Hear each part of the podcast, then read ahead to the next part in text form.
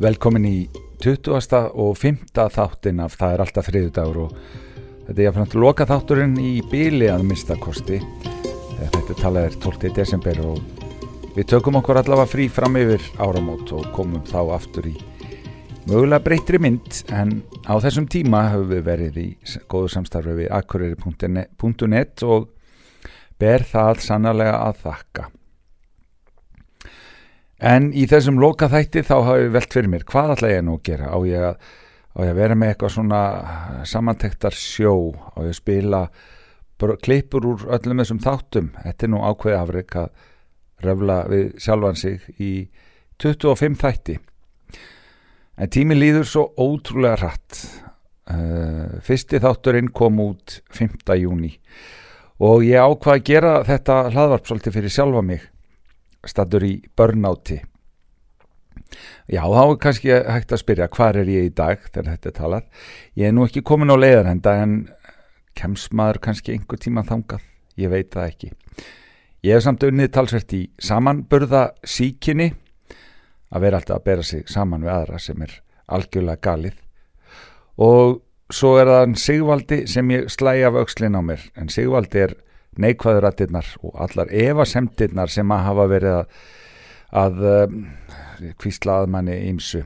Svo er það lífsgátan sem að ég hef reynd að leysa í þessum þáttum. Hefur það, hefur það tekist? Nei, það hefur svo sem ekki tekist. Enda á þetta bara vekja ykkur til umhugsunar, kæri hlustandi. En hvað stendur þá upp úr eða þessum 24 þáttum sem komnir eru? Svona í fyrsta lagi finnst mér gaman af því að, að nafnið hafi svona orðið þessi enga húmor, hann varðað einhverju svona vörumerki, frasinn frá Binna Davís. Það er alltaf þriðudagur hjá okkur, pjessi minn, segir hann, gerðnan við mig. Við eins og þess að báður ekki mikið á djamminu og þegar vín, þostin og spennan gengur yfir mannskapin, happy hour byrjar eftir 12 mínútur og búblutnar alveg að fara að frussast yfir mannskapin. Þá erum við bara eins og alla hinna dagana. Það er alltaf þriðu dagur hjá okkur ekki tappi ár. En trúðu mér það er, það er fínt að fara á happy hour og það með allir hafa það eins og þeir vilja meðan það skadar ekki aðra sko. Þannig að það er hitt besta mál hvernig sem vilja hafa þetta.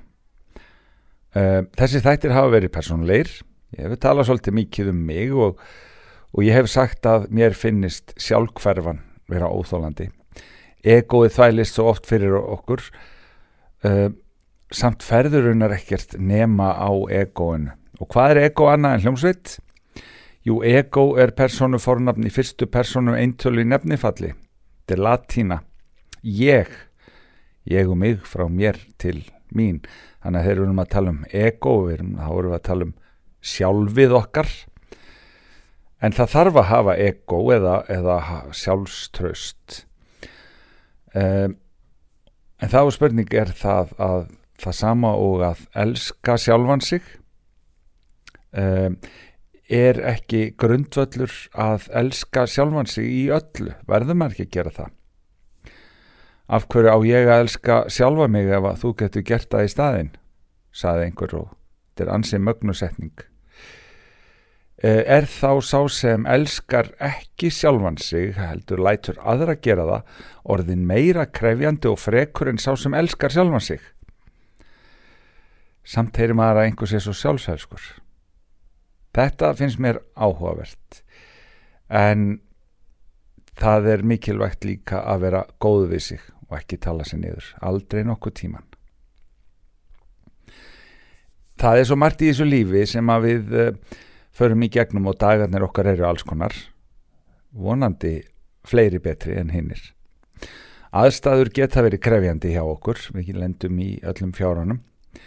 En er eitthvað gaman af þessu lífi nema að við höfum eitthvað krefjandi?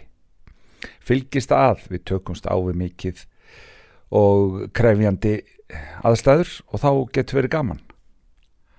Um, en að hafa gaman verður alltaf að vera gaman en er munur á því að njóta og hafa gaman? Það er að segja ef við erum að hafa gaman um, erum við þá alltaf að njóta? Þetta er pæling sem hún fann eilind sem að hefur aðstofað mig í þáttunum kom með. Þetta er áhugavert. Og ég fór hans að hugsa hverjar eru stundirnar hjá mér sem ég haf haft ofsalega gaman?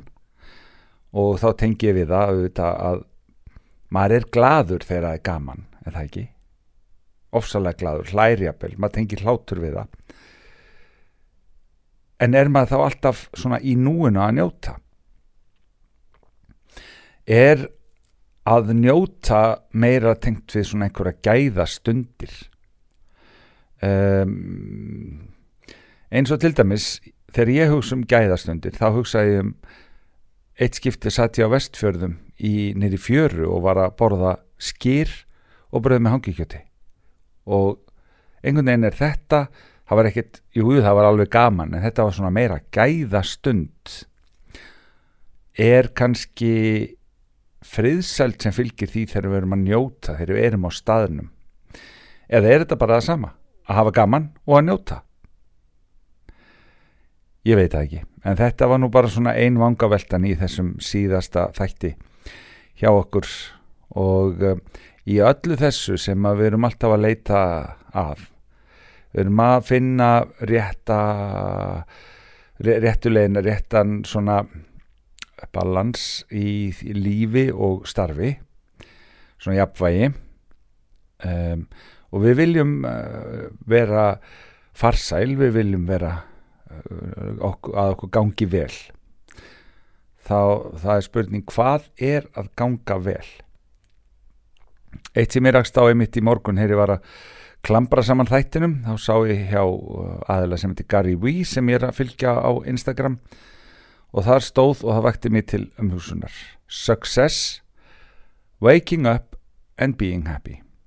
Það er að segja að vera farsæll er að vakna og vera gladur það þarf ekki að prumpa glimmeri eða, eða eitthvað þess áttar það er nóg að vera gladur og til þess held ég að þá þarfum maður ákveðna svona ákveð aðrilösi og ákveðna næjusemi vonandi eru þið öll farsæl, vaknið og brosið langoftast.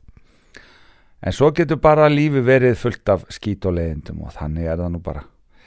En við gerum, reynum að gera það besta úr því ég held ég hafa þetta loka orðin á þessum síðasta þriðju degi. Ég er ósala þakklátur að eh, þeir sem hlusta og hafa gefið sér tíma í það. Öðru sér var ekkit gaman að þessu. Takk Fanny Lind fyrir að aðstofa mig. Takk Hulda mín fyrir að gefa mér oft innblástur, er að lesa yfir hvað ég ætla að vera með. Og takk þú fyrir að hlusta. Guð veri með þér